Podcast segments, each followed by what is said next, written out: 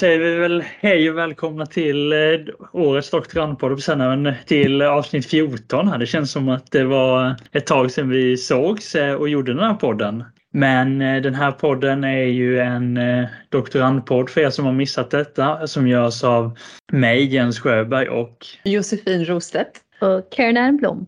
Vi har hållit på här nu i, ja, blir det drygt två års tid med man kan väl Aha, säga med lite så eh, uppehåll emellanåt när sommaren har kommit och när vi har haft mycket att göra och så. Men mm. Eh, ja, men vi, vi är tillbaka. Vi kan väl säga det att eh, vi, vi kanske ska fundera på hur den här podden ska leva vidare och jag tänker det kanske kan vara en grej som vi kommer benämna under poddens eh, av, avsnitt helt enkelt. I och med att det skett lite förändringar då eh, bland oss doktorander och att vi, varken jag eller Karen Ann är ju doktorandrepresentanter längre för HLKs doktorandorganisation. Mm -hmm. Men eh, vi kan väl köra en liten check då. Vad är det som har hänt sen sist? Alltså, jag, har, jag är ju rätt så nyligen hemkommen från ett skrivarinternat i Åre eh, via Lärarförbundets regi. Då. Och det har varit suveränt att vara iväg och eh, bara sitta och skriva, läsa eh, och få mat serverad, god mat serverad eh, klockan 12 och klockan 6. och sen, ja, det har varit riktigt, riktigt underbart. Och sen har med goda, med, inte med goda vänner kan jag inte säga att jag åkte upp dit, för det visste jag inte vilka det var som skulle vara där. Men jag har, men jag har lärt känna väldigt fina människor och eh, fått ett fint utbyte av, eh, av min tid där. Eh, så att vi har pratat, framförallt har vi pratat mycket, mycket skrivande, mycket alltså vad vi håller på med för typ av pedagogisk forskning och sådär. Ehm, och det har varit jätteintressant. Det har varit ehm, Riktigt, riktigt bra. Och det är Josefin för våra lyssnare som inte vet, skrivinternat som du var med, det är mm. specifikt för de som är med Lärarförbundet. Ja, det är det. Mm. Mm. Och det kan ju vara som så här att det är eh, sista gången det här skrivarinternatet eh, gick, blir av nu då. Med tanke på att Lärarförbundet eh, går ihop med andra förbund. Okay. Man, man, är lite osäker för framtiden. Man, är lite, man vacklar lite grann. Man vet inte riktigt vad, vad det kommer, hur det kommer bli framöver.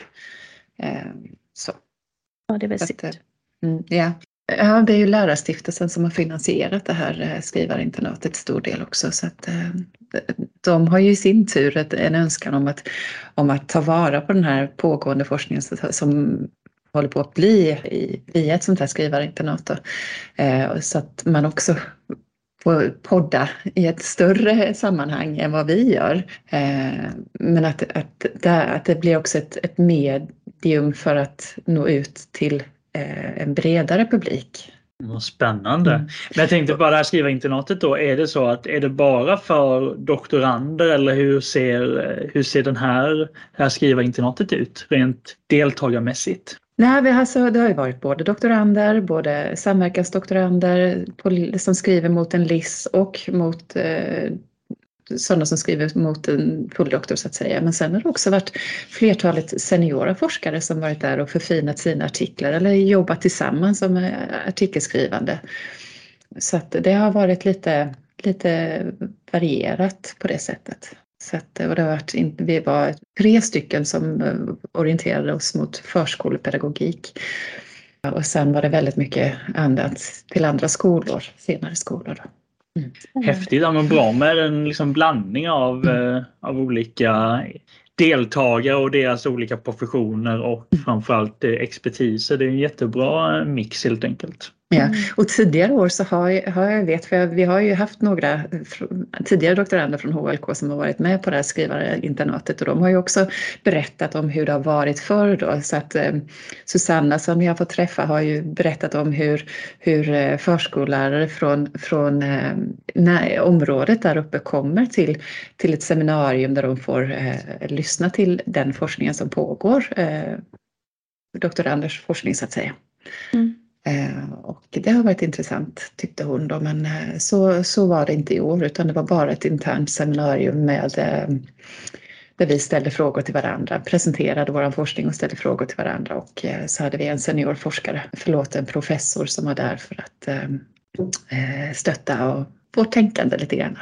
Jag tycker det är väldigt bra då att hur du beskriver det. Det har verkligen varit bra för din skrivande men också för att nätverka och lära känna människor runt omkring Sverige som kanske håller lite grann nära till din mm. forskning. Och jag tycker det är verkligen värdefullt. Och Jens, du har också mm. varit med nu med våra egen doktorandinternat. Det här var den andra år som hade pågått och hur var det? Ja men det var jättebra faktiskt och det är ju så som du säger Karin att det är andra gången vi kör ett eget skrivarinternat internt bland HLKs doktorander och i, i år var vi i Göteborg eh, och vi var sex stycken doktorander som stack iväg tre dagar. Och eh, ja, men det är ju fantastiskt att komma iväg och både få liksom träffa andra doktorander och höra om deras liksom utmaningar och vad man står och, och tampas med men också hur man har löst olika problem och ja, men hur man ser på sin avhandling och så. Och sen givetvis alla diskussioner och, och fikastunder vi har haft och, och eh, även middagar där vi liksom kunnat diskutera högt och lågt om olika saker, både kopplat till avhandling men också eh, framtidsvisioner och så vidare. Och även ja, lite andra saker som, som hör till doktorandlivet, hur man ser på detta. Så att jag tycker det är, ja, det är jättefint att åka iväg på skriva internat. Så att jag tycker ni andra som lyssnar här nu, har ni möjligheten att åka iväg på skriva internat så gör det. För det är fantastiskt att liksom få, få liksom koppla av på ett sätt men ändå sitta och fokusera på sitt arbete. Som du sa Josefin, där att man behöver inte tänka på att nu ska jag gå och laga mat och fixa det eller jag måste iväg och sticka och köpa mat eller så. Utan man får liksom allting serverat. Så att det, det är skönt att liksom släppa vissa delar så att man kan fokusera.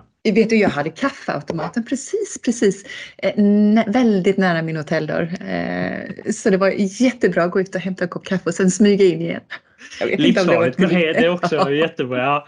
ja men så hade vi också då på skriva internatet så hade vi också kaffeautomat och vattenautomat väldigt nära vårt konferensrum så det var ju väldigt lätt att bara så nu är det dags. Så, ja. Nej men skriva internat var jättebra. Sen eh, Sen är det väl alltid så att när man är i den här fasen som doktorand så, så eh, när man börjar titta på texten igen, det man har skrivit så, så märker jag ju att eh, vissa grejer behöver ju revideras igen och så är det ju. Det är ju den här skrivarprocessen att man går fram och tillbaka hela tiden. Mm. Men, eh, ja, men det var jättebra eh, och det hoppas jag att eh, för att bara göra lite reklam för HLKs doktorandorganisation och skriva internatet så, så hoppas jag att vi kommer fortsätta med detta, att det blir som en tradition framöver för även för framtida doktorander och även doktorander som har börjat hos oss. Mm. Mm. Men sen hörde jag från dig Karin att det är någonting med du har en artikel som har, eh, som har hänt ja. någonting med. Vill du berätta ja. vad är det som har hänt? Nej, jag fick eh, ett artikel accepterad nu. Så det var häftigt. Det har varit en lång process som de flesta känner till. Att det är inte ja, skicka in det är väldigt få som skickar in direkt och får den här desk acceptans.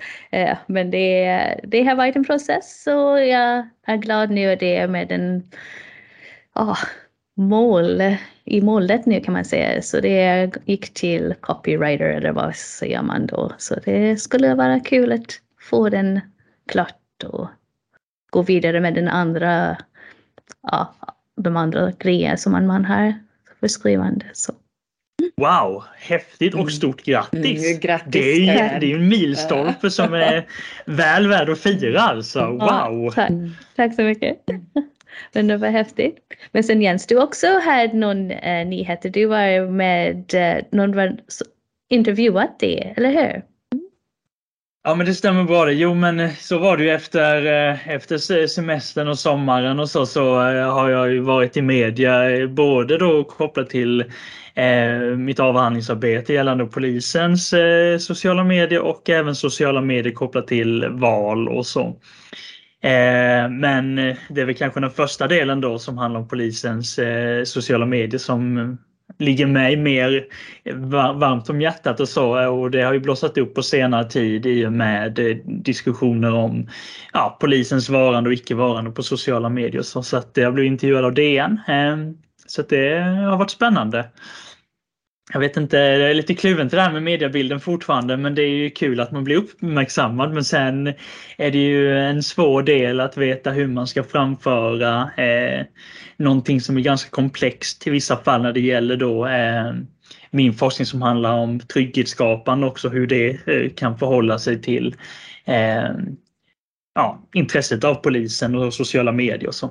Så men jag vet att det har skrivits en del artiklar, eh, nyhetsartiklar kring eh, polisens sociala medier. Häftigt. För det här blir ju på något sätt, tänker jag, det, då lämnar du ju trygghetsskapandet och ska prata mer allmänt om, om eh, sociala medier och polisen. Eh, vilka utmaningar har du ställts för i, i, i det då? då? Eh, har det påverkat ditt skrivande av, av avhandlingen eller artiklar eller Ja, nej, men det är en jättebra fråga och där behöver jag ju säga både ja och nej. Alltså, eh, nu var det ju så att när DN hörde av sig så handlade det ju mer om influencerpoliser eh, och då är det ju poliser som har privata sociala mediekonton och det är ju ingenting som jag forskar på per se i det fallet men när man tittar på den stora bilden så är det ju klart att om man tittar på en organisation och eh, kollar på hur organisationen kommunicerar då är det klart att liksom den här gråzonen blir också intressant att se hur, hur hanterar en organisation eh, vissa utmaningar när det finns eh, privata sociala mediekonton som också kommunicerar eh, och så som eh, kanske kommunicerar för organisationens räkning eller inte räkning och så vidare. Så det är ju givetvis en utmaning och det ställer ju, det har väl gjort att min syn på kanske begreppet sociala medier har väl på något sätt och det är inte så tydligt att man kan säga att organisationen har sociala medier och sen är det kopplat bara till organisationen utan det skapar ju ringar på vattnet där. Eh, så att det är klart att eh, begreppet växer ju när man börjar liksom gå utanför organisationen också och kan ställa sig vad är egentligen syftet med eh, att eh, ha sociala medier helt enkelt som en organisation och så. Mm. Och hur ser medarbetare och kopplat till medarbetarperspektiv och så. Och det uppmärksammades ju även när jag blev intervjuad i SVT kopplat till valet också när man pratade om sociala medier kopplat till eh, politiker och val och så vidare. Att det, det, det skapar ju återigen den här, vad är syftet med att en organisation eller medarbetare eller politiker i det fallet har sociala medier? Vad är det, vad är det man vill åstadkomma helt enkelt? Med det. Så det, det har ju väckt en tankeställare givetvis i mitt skrivande också hur, mm. hur jag ska liksom ta mig an det här stora begreppet sociala medier och försöka ändå placera det på olika sätt i, i en kontext helt enkelt. Är det någonting som du hade kunnat förutse eh, i, för två år sedan att, det kunde, att avhandlingen skulle ta den här vändningen. Jo, men det, det, är klart att jag hade kunnat liksom varit mer snäv med att välja att jag hade bara kollat på en eh, plattform till exempel. Och då hade jag ju kunnat varit väldigt mycket mer låst i det. Eh, men nu har jag liksom kommit tillbaka lite grann till att eh, jag behöver titta mer på fenomenet och inte låsa mig så mycket till en plattform. För att en plattform är ganska, eh, liksom, följer en viss trend och sen kan ju den plattformen bli, ja den kan ju vara jättetrendig en period och sen kan den tappa helt i värde senare sen. Så att det blir mer fenomenet och i det här fallet då hur polisen eller poliser kommunicerar i sociala medier som blir det intressanta och inte så mycket vad är det för plattform. Och det har jag börjat släppa lite grann. Sen är det klart att i avhandlingen så gör jag ju olika fallstudier och då blir det naturligt att, att följa kanske en viss plattform eller en viss trend och så vidare. Då är man låst i det för att så man behöver avgränsa sig för annars får jag titta på för mycket helt enkelt. Och det känner vi kanske alla igen som eh, doktorander och forskare att, att man behöver på något sätt avgränsa sig och veta hur är det jag ska göra den här studien för att inte det ska mm. bli alldeles för brett. Eh, så det är väl också en insikt jag har kommit till att, att göra medvetna val. Eller förhoppningsvis att jag gör medvetna val. Mm. Mm. Intressant Jens. Mm, verkligen.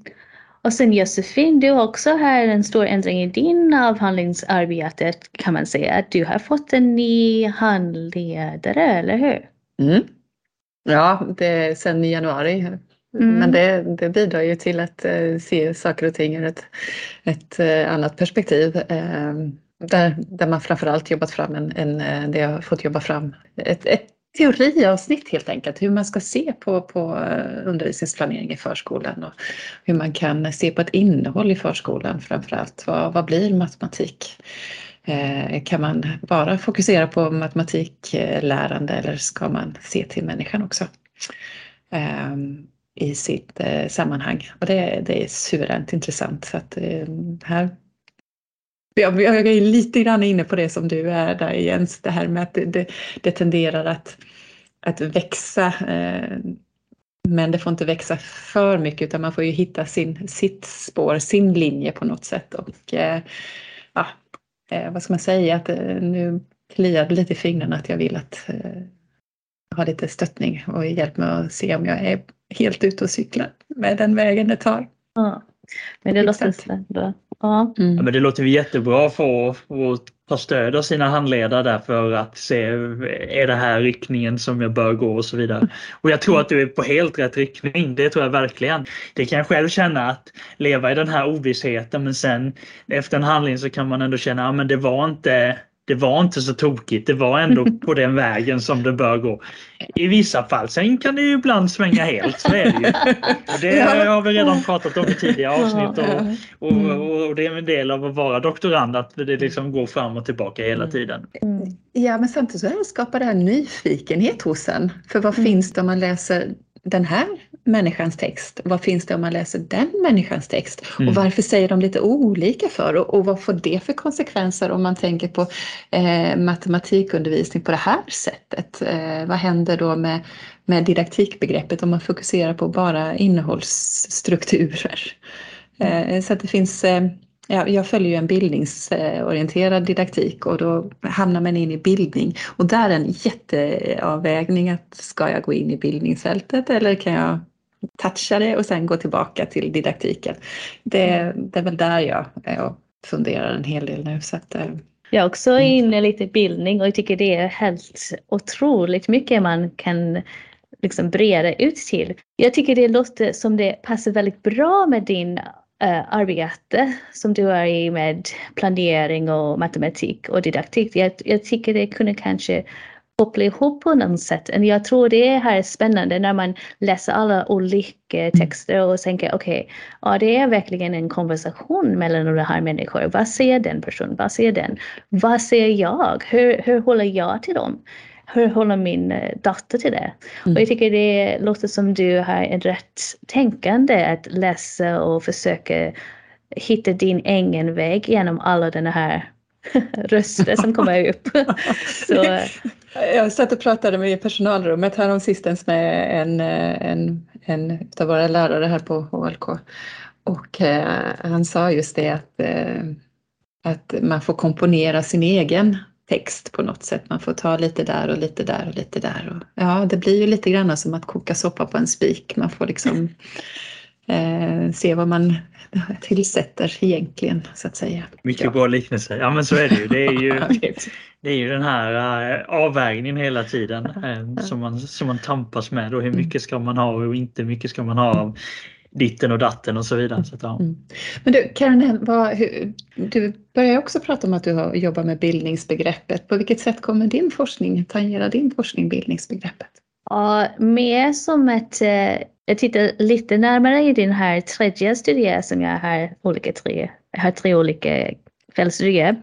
Och den tredje tittar lite närmare på folkbildning i Sverige och hur den här bildningen har kommit igenom den uh, folkrörelse typ. Så jag tittar lite närmare hur är det att människor i lifelong learning till exempel, att, att de fortsätter att bilda sig själv och att det finns den här stöd genom uh, olika folkbildningsorganisationer kan man säga, att det, det, det bidrar till en, en eh, bildning av människor på en annan sätt. Och i Sverige det är verkligen en kultur det känns som.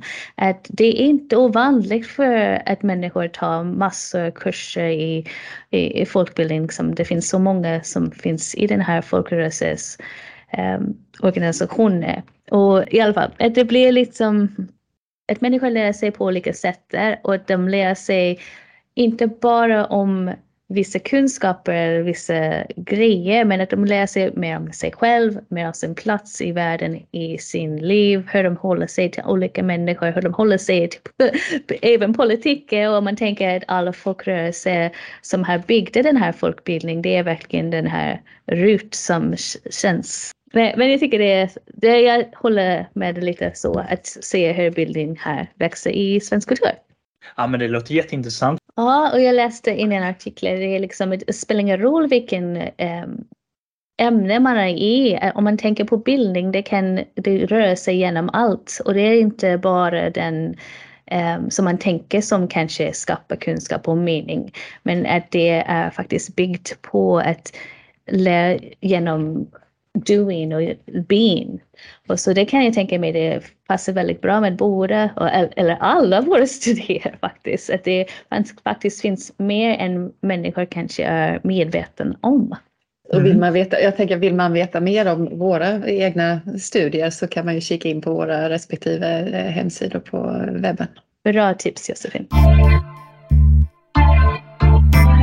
Men jag tänker vi kanske ska eh kanske blicka lite framåt här nu. Jag tänker, vi har ju pratat mycket om var vi har varit och vad som händer och så och jag tänker om man tittar på podden lite grann så har vi ju spelat in då, vi är inne på 14 avsnittet, vi har spelat in 13 avsnitt tidigare och vi har haft olika eh, gäster och vi har pratat om olika eh, Eh, begrepp och fenomen och så vidare under de här avsnitten och så nu när vi har haft de här gästerna med oss och vi har pratat om detta, vad, vad, tänker vi att podden ska ta för riktning här nu? Men jag kan tänka mig att vi skulle kunna bjuda in våra eh, efterträdare, eh, Asia, eh, komma in för doktorandorganisation och eh, intervjua henne lite och se vem hon är. Och sen kan jag tänka mig också att eh, också bjuda in Ea-Katarina efter vi har inte gjort det än och hon har precis också kommit in i som eh,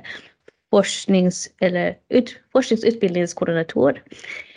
Um, så jag tycker det blir spännande att bjuda de två in och ha en lite kort presentation om vem de är och för våra lyssnare att lära känna dem lite bättre också. Ja, men jättebra förslag. Det låter som en bra väg att, att gå och så ser vi lite grann vad som uh, kommer ut av det.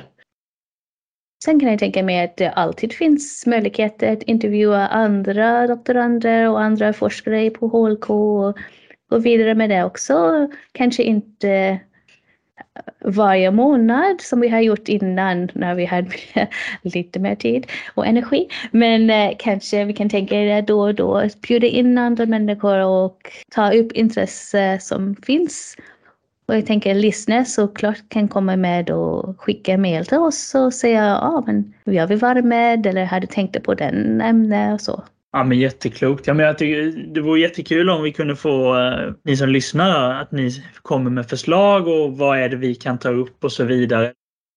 Ja just det, jag kan säga att om vi väljer din förslag kan vi bjuda på choklad. Eller, en glass, eller en glass vid den här tågstationen som jag tycker är otroligt gott glass, eller hur? alltså, tågglass. Nej men det blev jättebra att vi bjuder in eh, Katarina och Asia till podden och så, eh, så tar vi det därifrån helt enkelt och ser vad, vad har de för tankar med HLKs doktorandorganisation och eh, har vi nya doktorander på G? Eh, vad händer framöver och så vidare. Det är ju jätteintressant att höra. Mm, kan vi ju ta ett lite längre eh, framtids eh, och se vad händer kanske liksom till våren och så vidare. Och, eh, ja, men vi är inte främmande för att sätta oss i fikarummet med våra mikrofoner och kanske haffa någon direkt vid kaffet. Det kanske kan vara jättebra. Och bara ta en snabb sån spontanintervju och fråga våra kollegor, men vad gör du? Vad är din roll här på HLK och så vidare? Så det kanske vi gör, eh, vem vet? tycker det var jättebra faktiskt. Men då så säger vi väl så här då att eh, vi tackar så mycket för att ni har lyssnat och vi önskar er en fortsatt fin vecka och eh, ta hand om er. Hej då! Hej då! Hej då!